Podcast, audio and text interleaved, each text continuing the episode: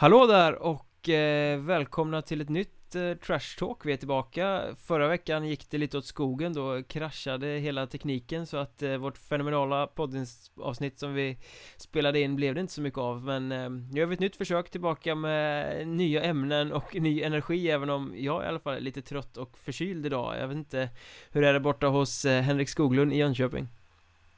Nej då, jag är pigg och glad idag. Det är en massa snö här nere och kommit igång eh, rent kroppsligt genom att skotta bort den snön helt enkelt.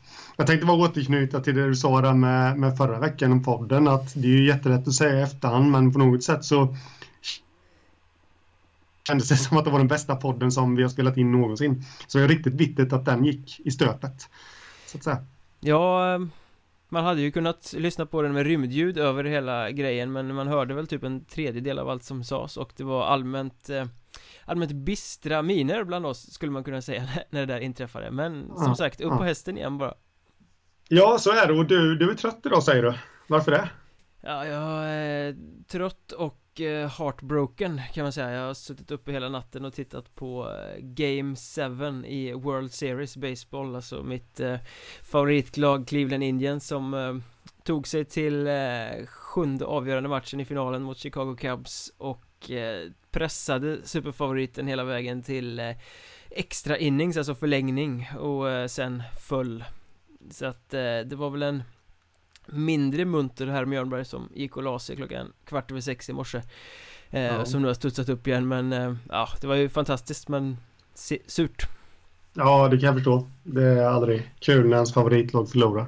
Nej, sen så. är det ju sådär liksom en, en underdog som egentligen inte skulle vinna det där um, men ändå, man, man vill ju alltid att det ska gå så, så bra som möjligt. Jag kan jämföra det lite med eh, Att Cleveland Indians var i final mot Chicago Cubs. Det var lite som att eh, Som om Tranås, Hockeyettans Tranås skulle vara i final och, och pressa sig framåt. Alltså ett ett, ett, ganska bra, ett ganska bra lag från en eh, ganska obetydlig ort som liksom är bra men inte någon av storfavoriterna som eh, sen går upp mot storfavoriterna och så tänker vi oss att det är Tranås fast med Sebastian Ottosson, Fredrik Lindström och Erik Gustafsson skadade och med Viktor Lennartsson i världens eh, pissigaste form uh, Ungefär så var det, så ser man det så så var det väl starkt av dem att ta det till förlängning i sjunde avgörande matchen men ja. Som sagt, ja. surt Ja, det måste man säga. Det, det, jag känner din lidelse. tack så mycket för ditt medlidande. ja, just det. Jag känner ditt lidande skulle jag säga, så ja, var det ja. Fast nu sitter vi i och för sig inte här för att, att prata så mycket om baseball Utan det är ju Hockeyettan kanske som eh, Som väntar eh, Väntar som håller på i största allmänhet eh, En halvtimme, 45 minuter Hockeyettan-snack är det som väntar eh, Någonting som har slagit dig, det var om, när vi spelar in det här så var det omgång igår mm. Ja, det, det, det, slår ju en sak i hela tiden, men, men det går väl inte att komma ifrån Helsingborg. Här nu som tog poäng i femte raka matchen igår. Eh, när de, ja de skulle väl kanske haft tre poäng, men eh, Nybro var ofina nog, sett med Helsingborgs ögon, att eh, hämta kapp och avgöra sen i, i eh, sudden death. Eh, ja, det var rätt, rätt dramatiskt där. Det var eh, 3-0 till Helsingborg och och eh, Nybro kvitterade till 3-3 på straff med tre sekunder kvar. Ja. Eh, Då måste man eh, ha rätt skapliga nerver för att sätta en sån straff. Ja, det var Martin Olsson var det va? Som satte den. Ja, det är väl inte den mest vane målskytten heller? Nej, men uh, han kanske har kalla nerver. Så att det var därför. Uppenbarligen. Ja. Jag såg att de gnällde lite i, i eh, Helsingborgslägret där och tyckte att det inte var straff för att eh, det var någon, något lyft av någon klubba som inte var på handskarna eller något sånt där. Uh, jag har inte sett situationen men det, det, det brukar väl bli så kanske att det är laget som, som får straff emot sig. Gärna, gärna uttala sig om det också då att det inte skulle varit så men nej, det är svårt för, för mig att säga som inte har sett händelsen. Nej, men det måste ändå vara extra surt för eh, Helsingborg då som har 3-0 och, och eh, bygger på en vinstsvit och så släpper man in det där. Man släpper upp från 3-0 till 3-3 i sista sekunderna och sen torskar i förlängningsspel också. Eh, ja, det, det ska bli lite intressant att se. De möter Dalen hemma på lördag tror jag. Så det blir intressant att se lite hur de tacklar det här nu, att, att ha tappat mot Nybro och, och, allt det där liksom. Är, är formtoppen över eller vad? Det ska bli kul att se faktiskt. Mm, men jag tycker väl ändå att vi måste fläska upp veckans utropstecken redan så här från, eh, från start och säga att det är Helsingborg. Ja, ja absolut.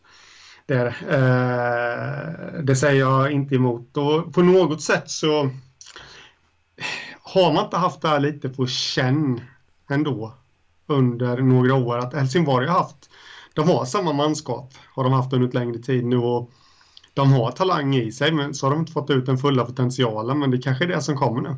De är ju väldigt mycket underdog i den här serien i och med att uh, ingen räknar med att de ska mm. vara något av topplagen. Så att de kan ju gå ut Eftersom det är ett svenskt lag som gillar att spela utan press så kan de ju gå ut ganska bekvämt. Men att de skulle ta på poäng i fem raka och lägga på allettan plats när eh, mer än halva serien är spelad Den hade faktiskt jag svårt att se komma. Jag är väldigt imponerad av hur Hur Helsingborg gör det här. För att jag menar det är ju inte några små lag de har lagt på rygg det senaste nu heller utan de slog Troja på hemmaplan Troja som visserligen var lite lojt i den matchen sägs det men de har varit och vunnit borta mot Vimmerby, de har varit och vunnit borta mot Kallinge Det är ju liksom inte mm. lätta matcher att, att vinna så att jag är väldigt imponerad ja. Nej, jag, jag ska väl säga att jag trodde ju inte att de skulle vara med i racet om allettan eh, här nu men, men, samtidigt så har jag ändå känt att eh, de har någonting på gång där. Eh, men jag trodde faktiskt inte att det skulle blomma ut redan i år för att eh, ja, jag hade nog kanske förväntat mig det förra säsongen i så fall. Eh, men ja, jag tycker de har ett intressant lag och många som har stannat där länge och som Bärling och, och allt vad de heter, Anton Sjöstrand och det är ju talangfulla killar. Nu kommer jag inte ihåg exakt vilket år det var men det det är ett gäng år sedan som de faktiskt gjorde en bra grundserie och tog sig vidare till allettan för att sen inte riktigt räcka till där men Känns som att de gör lite samma typ av resa nu Alltså ja. en, en eh, homogen grupp som verkligen får det att fungera vi får inte glömma August Karlsson heller som, eh, nu har inte hans siffror riktigt i huvudet här, men jag tror han är uppe på 8-9 mål här nu hittills under säsongen och eh, en målskytt som, som har fått det att lossna här nu så att eh, det kan bli spännande men, men återigen, det ska bli kul att se på lördag. En match som jag hade tänkt att se också eh, ifall de kan hålla fast vid sin formtopp eller ifall det vände mot Nybro här nu. Mm. Så jag såg det inför matchen mot Nybro där man ändå fick med sig en poäng där så eh, stod det i tidningen där nere, Helsingborgs Dagblad tror jag att det var eh, I alla fall någon av tidningarna där nere i Skåne att nu är det rimligt att börja drömma om allsvenskan för Helsingborg och sådär så att eh, Det var någon klubbrepresentant där som uttalade sig om att inom två, tre år så ska det gå att göra liksom riktig attack mot allsvenskan. Och där så känner jag lite att Ja visst ni är imponerande nu men ni är nog lite längre bort än att börja prata allsvenska Det räcker inte med poäng i fem raka i grundserien Hockeyettan Södra för att Man ska vara en allsvensk utmanare. Eh, För att kunna bli allsvensk utmanare på sikt så måste man ju börja bygga sitt, eh, sin publik. Man har ju nästan ingen publik på sina matcher trots att det borde finnas ett bra underlag i Helsingborg. Så att eh, Visst, organisationen är efter den här, det här ekonomiska stålbadet som de gick igenom för några säsonger sedan eh, Verkligen på rätt väg. Eh, mm. Men eh, Det är nog en liten bit kvar Innan ja. man kan börja satsa mot Allsvenskan. Ja, ja, absolut. Sen har de förutsättningarna där. Alltså, jag, Visst, publiken sviker men kolla på IK Panten Eh, i Malmö som kanske, om man ser till folkmängd och alltihopa, ska ha ännu bättre förutsättningar. Men de, får lik förbannat ingen publik. Men Helsingborg har Rögle i ryggen. Eh, vad jag har förstått som så har de ett bra samarbete där. Dessutom så går det inte jättebra för stadens stora stolthet nu. Eh, Helsingborgs IF i, i fotbollsallsvenskan. Och det, det, de löper risk för att åka ur och det kan bli ett vakuum där faktiskt på att, att eh, ja, det finns möjligheter nu för Helsingborg, men, men att börja prata om allsvenskan efter fem fem matcher med poäng i, det är väl lite överdrivet. Kanske, men, men jag förstår om man ska ha visioner och alltihopa, så jag slår absolut inte ner på det. Nej, sen, sen, är det ju intressant att du nämner IK Panten också tycker jag för att jag ser ganska tydliga likheter mellan IK Panten som gick upp i Allsvenskan och Helsingborg idag Det är liksom inte så flashiga spelare, det är inte så mycket drag runt omkring, det är inte så mycket publik men det är liksom ett ett kollektiv med duktiga spelare som får att falla på plats med ett, ett spel som funkar för gruppen eh, Så att Helsingborg är ju lite likt det IK Pantern som gick upp i Allsvenskan för några säsonger sedan Även om eh, jag nog inte tror att Helsingborg är lika bra Nej, nej det, men det, så kanske man sa om Panten också. Då för två säsonger sedan och sen fortsatte de överraska. Men jag, nej, jag skulle bli överraskad ifall de går ända till kvalserien i år. Helsingborg, det, det skulle jag faktiskt bli. Ja, det var ju, en, eh, var ju en stor skräll där när eh, Pantern slog Tingsryd i premiären det året och sen bara fortsatte det. Ja. Eh, och de, ja, gick hela vägen upp. Ja. Men eh, Helsingborg alltså veckans utropstecken eh, Annars så, jag vet inte vad som finns mer att nämna men man eh, blir väl lite, alltså Vad ska man tro om Troja Ljungby egentligen? De är ett skickligt topplag men de eh, uppträder lite eh, ointresserat, lite lojt ibland. Ja. Jag är lika frågande som dig där. Det... Fått lite, ganska mycket kritik för sitt spel eh, vilket ju är intressant, men å andra sidan så de två senaste hemmamatcherna så har de nollat topplag. De gjorde 5-0 mot Kallinge nu senast, de gjorde 2-0 mot Tranås eh, Ett som inte mm, lyckades åstadkomma något vettigt anfallsspel överhuvudtaget. Eh, I den matchen, de blev nedstängda helt och, och Troja spelade inte bra, de drog inte upp tempot. Det dröjde till långt in i tredje perioden innan de fick islossning i den matchen, men lik förbannat vann de, så att jag vet inte Jag tycker inte man ska kräva av tror jag att de ska vara flashiga nu på hösten för det är inte nu de ska vara bra. Nej, nu handlar det om att sätta grunderna liksom de, de visste ju redan i april eh, när de gick på sommarträning att de kommer spela allettan eh, och det är kanske en plan de har att, att skynda långsamt och, och allt det där. Jag, alltså man, Nej, alltså de, de känns alldeles för starka för att inte vara med alldeles i slutet av säsongen. Eh, sen behöver man inte bjuda på skönspel heller. Och det är ju, alltså, vad fan, du ska ta, ta dig igenom Hockeyettan som är tuff. Du ska, du ska kvala playoff-omgångar, du ska upp i en kvalserie. Man vinner inte, man blir inte framgångsrik med bara skönspel. Sen är det klart att det, det är alltid trevligt att se på, men eh, jag, jag har sett Troja i två matcher i år jag tycker att de påminner lite om en maskin. Faktiskt. Det har de gjort i flera säsonger tycker jag. Ja. Lite som en maskin som hackar ibland. Ska man vara noga med att påpeka. Men lite som en maskin. De verkar ändå tro på sin idé. Eh, de är konsekventa. Men det funkar inte alltid. Och det är väl det som är oroväckande. Att det, det inte alltid de får utdelning. gäller för Pelle Svensson att tanka med rätt bränsle där helt enkelt.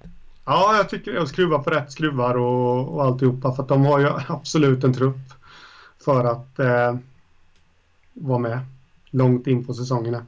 Ja, det har vi väl sagt redan från start att det här är den största favoriten till att gå upp. Ja. Eh, och nu är de ju med i toppen även om spelet har sett lite där ut så att eh, jag tror inte att Troja-supportrarna behöver oroa sig särskilt mycket. Det är ju sådär som man klyschigt brukar säga att man vinner inga SM-guld på hösten. Nej, precis. Och det lär nog inte Troja göra i vår heller, men eh, SM-guld då alltså. Men till en kvalserie, det tror jag absolut de kommer ta sig och eh, jag tror de kommer gå upp också. Du tror alltså inte att de vinner SM-guld? Nej, jag tror inte det. det då skulle det till något riktigt, eh, riktigt, riktigt stort, eh, stor regelförändring här. Ett wildcard till SHL kanske. Det är många som kommer bli besvikna när du säger sådär. tror du det? Ja, slå drömmar i kras sådär bara Jo men det, det är sån jag är Ja, äh, men det är bra, men då släpper vi Troja mm. Men eh, då ger vi oss på veckans eh, frågetecken eh, mm. Och där finns det väl en, en rimlig fråga att ställa sig som många kanske har ställt sig de senaste veckorna och det är Är Piteå ett fult lag? Ja, ett rakt svar på den frågan om det nu är mig du frågar så är det nej Okej, det är det jag frågar. Utveckla gärna den. Eh. Vi kan ju säga det att eh, det här att Piteå spelar fult är väl kanske en eh, debatt som har väckts lite efter den här tackningen som David Selberg satte in på Nils Bergström för några veckor sedan som renderade i fyra matchers avstängning för Piteåbacken.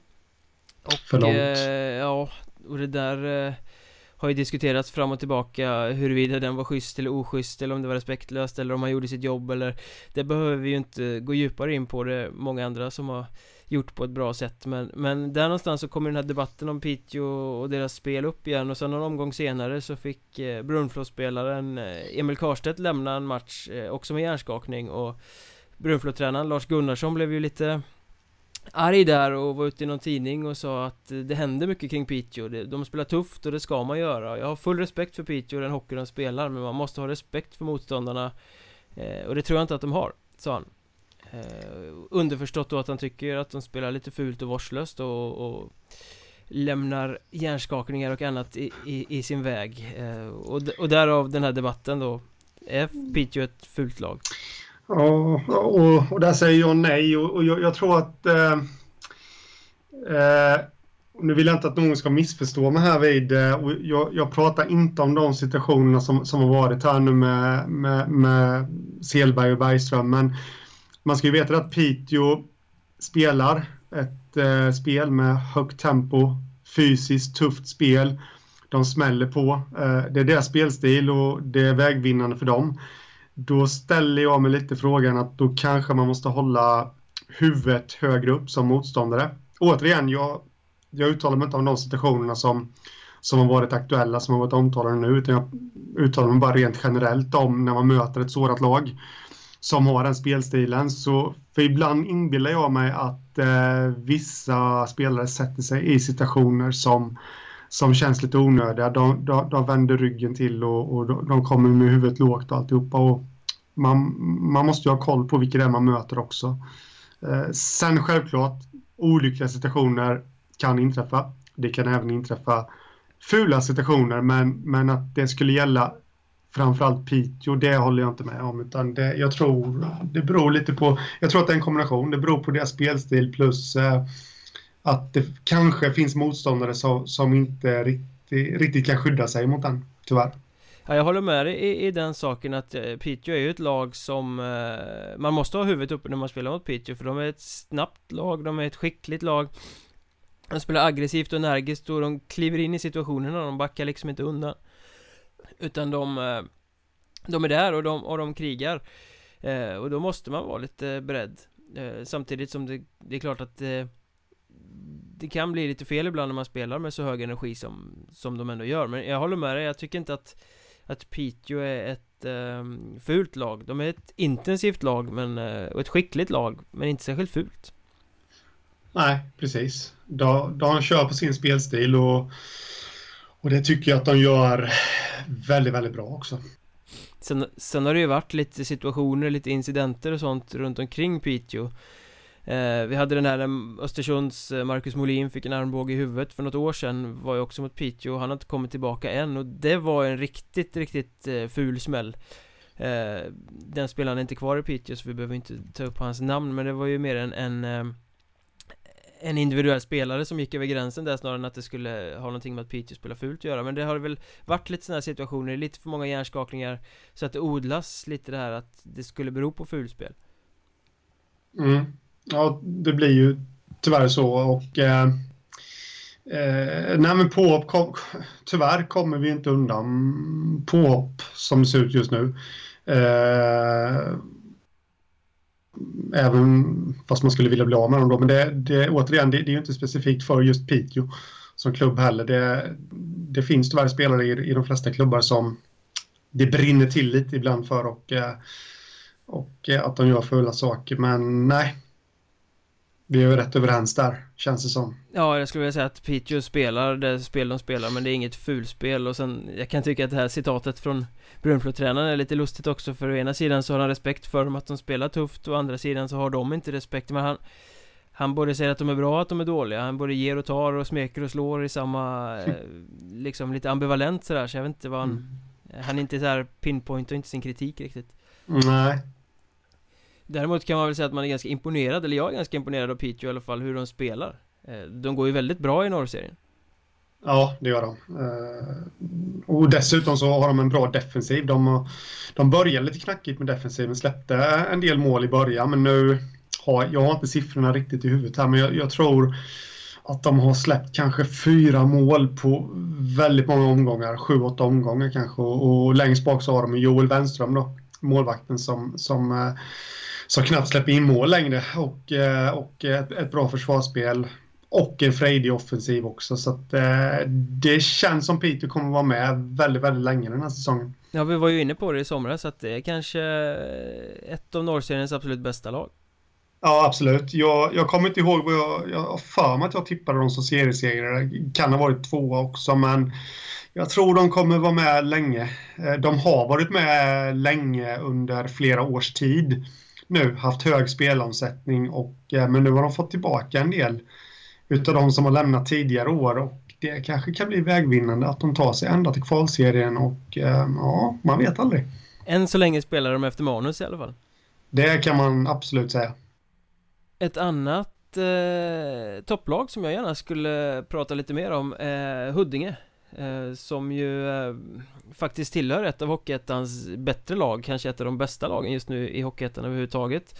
Eh, men som nog är det topplaget som får minst erkännande eftersom de spelar eh, där de spelar, det vill säga i, i östra serien, en, en, ganska dålig serie där alla förväntar sig att de ska vinna alla matcher. De har vunnit 12 av 13 så här långt, enda förlusten är borta mot det andra topplaget Visby, men eh, de är ett jätteskickligt lag som får eh, kanske mindre erkännande än de förtjänar.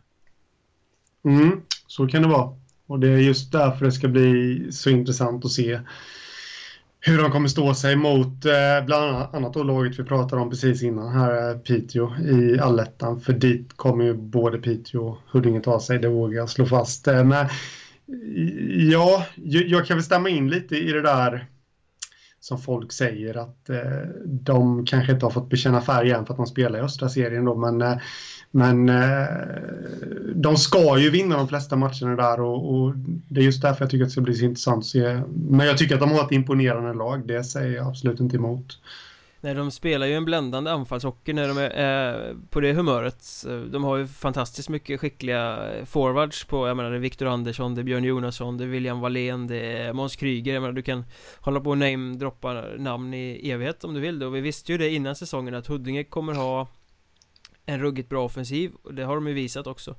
Eh, nu såg jag i och för sig toppmötet med Hudiksvall igår och det var en riktigt eh, bedrövlig historia kan man väl säga. Det var inget av lagen lyckades dra upp tempot och Hudiksvall såg ut som de inte riktigt vågade anfalla mot Huddinge och passningsspelet var sisådär liksom. Samtidigt som Huddinge ägde matchen och var det bättre laget, de vann med 2-0 eh, De försökte få igång det men det gick liksom inte eftersom Hudik spelade ju skapligt eh, bra försvarsspel då. Men, men det kändes ändå som att det var aldrig Alltså, aldrig något problem för Huddinge men Vi vet att de kan spela bra Offensiv hockey, vi vet att de kommer spela bra offensiv hockey Det har ju varit på målvakts och backsidan som det har varit frågetecken och där börjar det också se riktigt bra ut Ja uh, Ja, de har ju fått in uh, Rosena nu från uh, från Skövde som eh, rehabtränare nu. Mm, och William Garpenlöv också. då Det, det är ju kanonförstärkningar. Och sen har Daniel Fahlström klivit fram och tagit första spaden i mål och gör det förbannat bra där. Ja, han höll ju nollan mot Hudik nu senast och han har ju som du säger tagit första spaden framför Marcus Duboye som kanske jag och många med mig trodde skulle vara första valet till den här säsongen men Fahlström har ju klivit in och varit den som har spelat bäst och förtjänat första spaden också. Mm.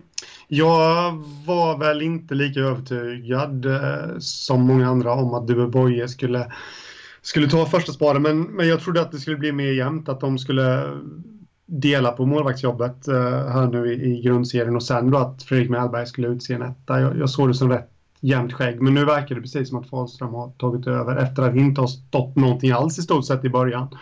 Eh, så han har stått eh, ja, jag räknade ut det innan. Är det fem och en halv match på de sju senaste nu han har stått, Fahlström?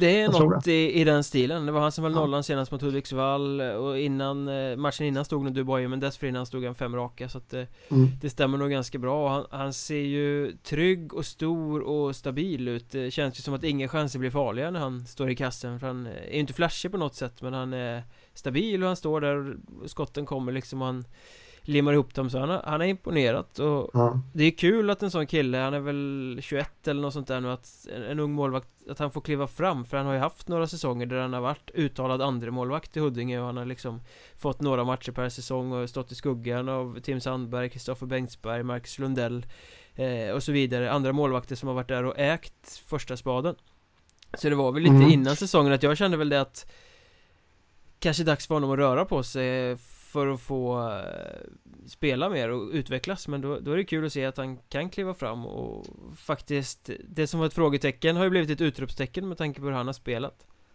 Ja, absolut. Eh, jag, jag funderar lite över eh, vad det här kan innebära för Dube Boye som, som, eh, som började säsongen och, och fick förtroendet i början. Nu har han fått kliva tillbaka. Kan det på något sätt sporra honom att eh, ta i ännu mera på träningarna? Alltså kommer han se det som en utmaning och vilja ta tillbaka första spaden och så att han också utvecklas och kan också bli bättre. blir det så, då, då kan ju Huddinge bli ruggigt farlig här nu i fortsättningen med två bra målvakter som kan gå in och spela mot topplag precis när som.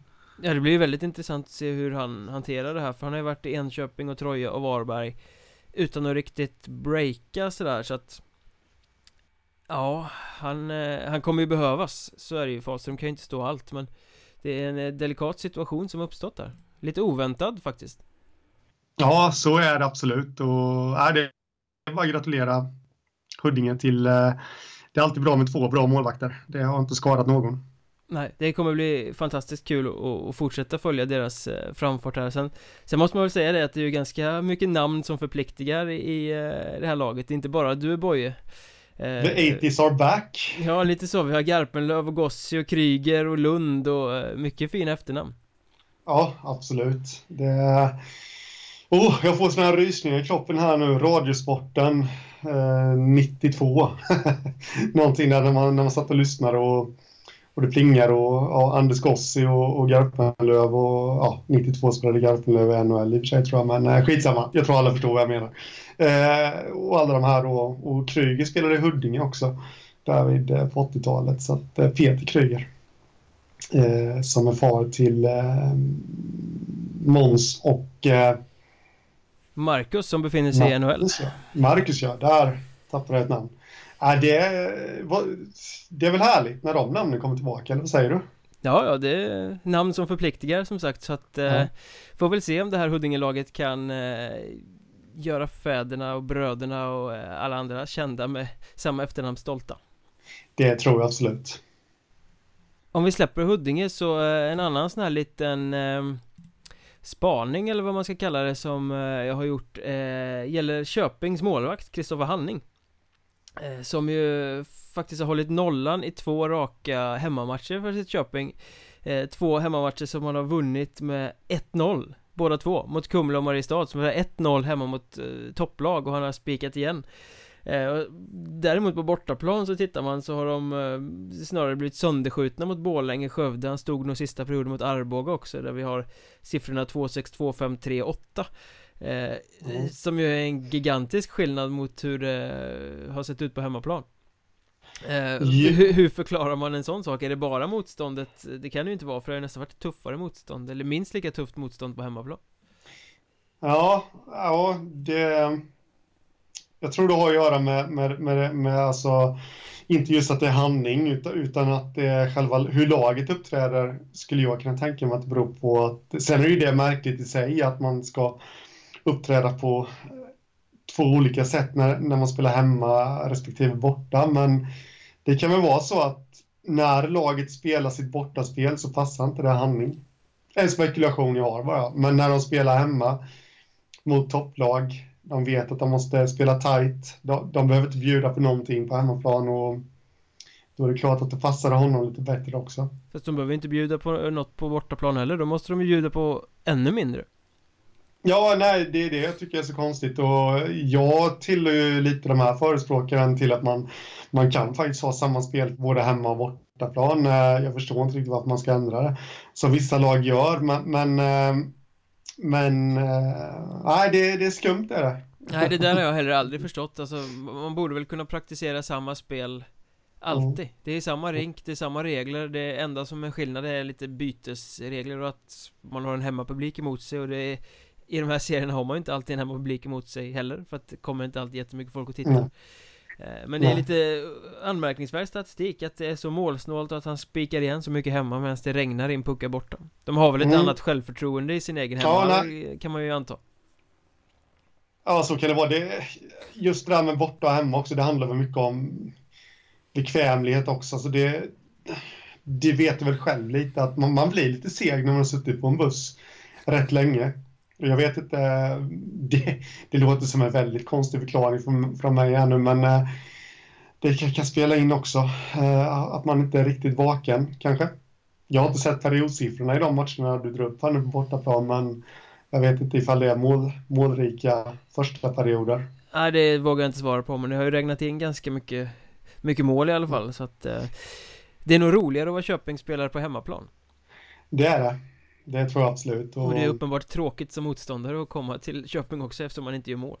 Ja, men det är ändå imponerande. Jag tycker Köping rent generellt och Canning också då har imponerat under säsongen.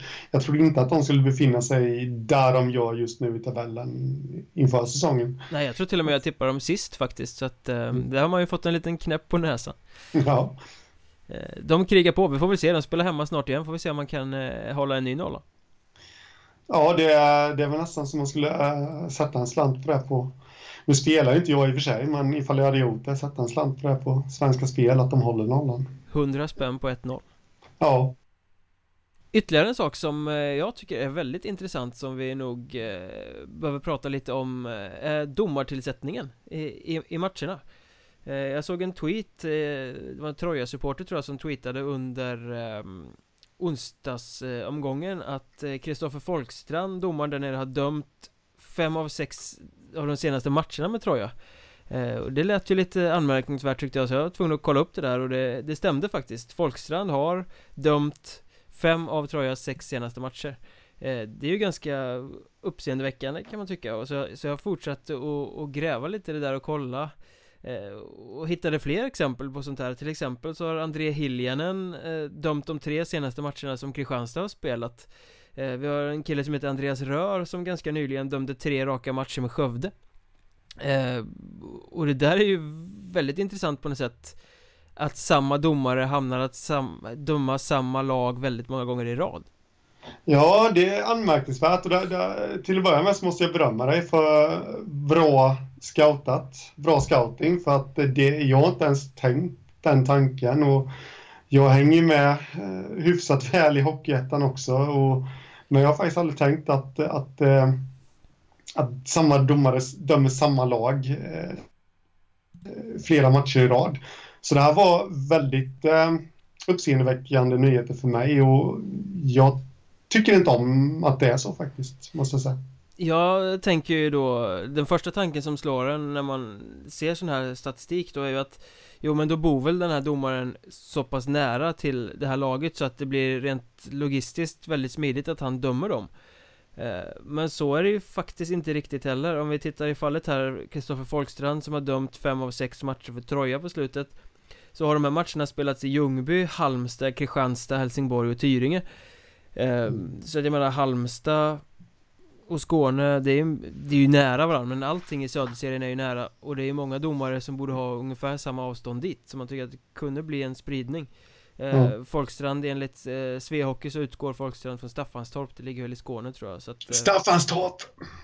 Så att där finns det väl en viss logik eh, Men samtidigt så är det väl många domare Som hade kunnat åka till Halmstad eller eh, till Tyring eller någonting för att få en spridning på något sätt Absolut eh, Och tittar man på Hiljanens tre matcher Där han har dömt Kristianstad så eh, har han dömt dem i Vimmerby, Kristianstad och Jönköping eh, Så det är också olika städer Inte jättenära varandra där och han utgår från Växjö så det är väl det som är den logiska punkten där och mm. Och Rörs tre raka matcher mot Skövde De var i Strängnäs, i Skövde och Borlänge Var utgår han ifrån då? Han utgår från Kristinehamn mm. Så att det blir någonstans i mitten där Men jag håller med dig, jag tycker inte heller att det här är bra att eh, samma domare får döma samma lag eh, så många gånger i rad.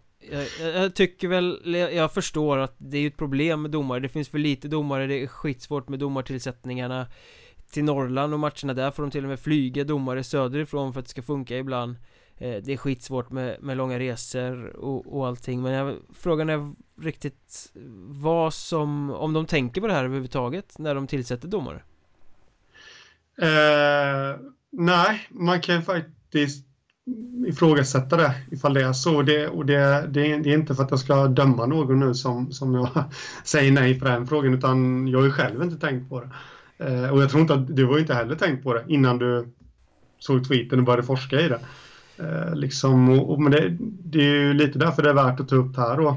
För jag, jag, jag tror att eh, jag tror inte att det blir en bra lösning om man dömer ett och samma lag så många matcher i rad. För det, det är alltid någonting som, eh, som då kan ligga kvar och spöka från en annan match. Eh, no, någon felsituation där domaren omedvetet nu jag räknar med att alla domarna är professionella i sin eh, utövning, men omedvetet ändå dömer till det här lagets fördel för att kompensera. Vi är inte mera människor någon av oss liksom och eh, blir utsatt för lite påtryckningar också kanske. Ja, ja, jag håller med dig helt och hållet. Jag tror ju definitivt inte att någon som tillsätter domare sitter och gör det här på pin kiv för att jävlas med någon eller för att ge någon en fördel eller någonting, absolut mm. inte.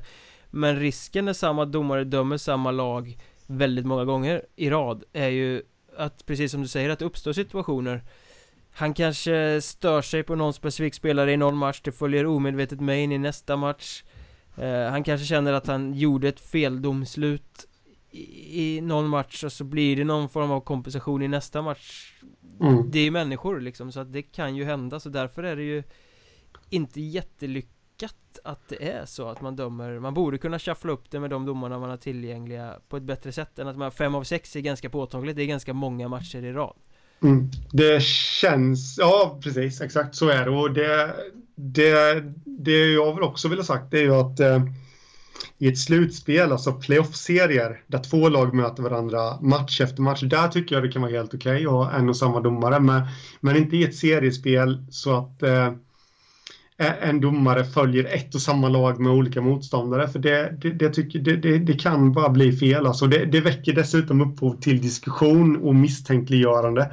Återigen, ja, domarna gör sitt absolut bästa men, men eh, liksom alla andra så är inte de mer än människor också. Och, eh, jag tycker att man ska uppmärksamma det här eh, och få bort det faktiskt. För att eh, så vi slipper de här diskussionerna. Ja, som inte har varit, men som vi nu. Men, ja. ja, e- ett exempel är ju till exempel matchen, onsdagsmatchen här mellan HC Dalen och eh, Kristianstad som är den tredje matchen i rad i Kristianstad har samma domare och där HC Dalens Pelle Gustafsson är ute efter matchen och tycker att domaren har förstört matchen. Han har tagit ja. dåliga utvisningar eller vad det nu var han hade gjort. Det var domslut som Pelle Gustafsson tyckte gick på fel sätt till Kristianstads fördel. Och är det då samma domare för tredje matchen i rad så uppstår det ju liksom Även om det inte är så, så Spekulationsrisken finns ju där mm. Har han blivit lite för tajt med Kristianstad? Är det någonting som gör att han förfördelar dem för att han hade med sig sen tidigare? Mm. Eh, man kommer inte bort från den ifall det ser ut så här Nej, jag, vet, det var fram, jag såg den matchen igår. Det var framförallt en eh, situation där eh, Därmed inte sagt att eh, Hiljanen med, med vilja dömde till Kristianstads fördel, men det var en väldigt tveksam situation när eh, en Kristianstadsspelare fick en, eh, tror jag i alla fall, fick en klubba i ansiktet. Men han började blöda i alla fall, så någonting hände ju. Och eh, spelet fortgick, men eh, Kristianstadsspelaren låg kvar och Kristianstad gjorde sitt 2-1 mål då, tror jag. Och eh, det skulle blivit en 2 plus 2 där och eh, då åkte Dalen på en tvåminutare för att den första tvåan gick ut i och med målet då, den avvaktande mm. utvisningen. Och jag tror till och med att Kristianstad satte 3 på den då. Eh, och det Pelle Gustafsson, jag såg intervju med honom i pausen också, där han ifrågasatte var ju att om det är en huvudskada ska inte domaren blåsa av direkt då.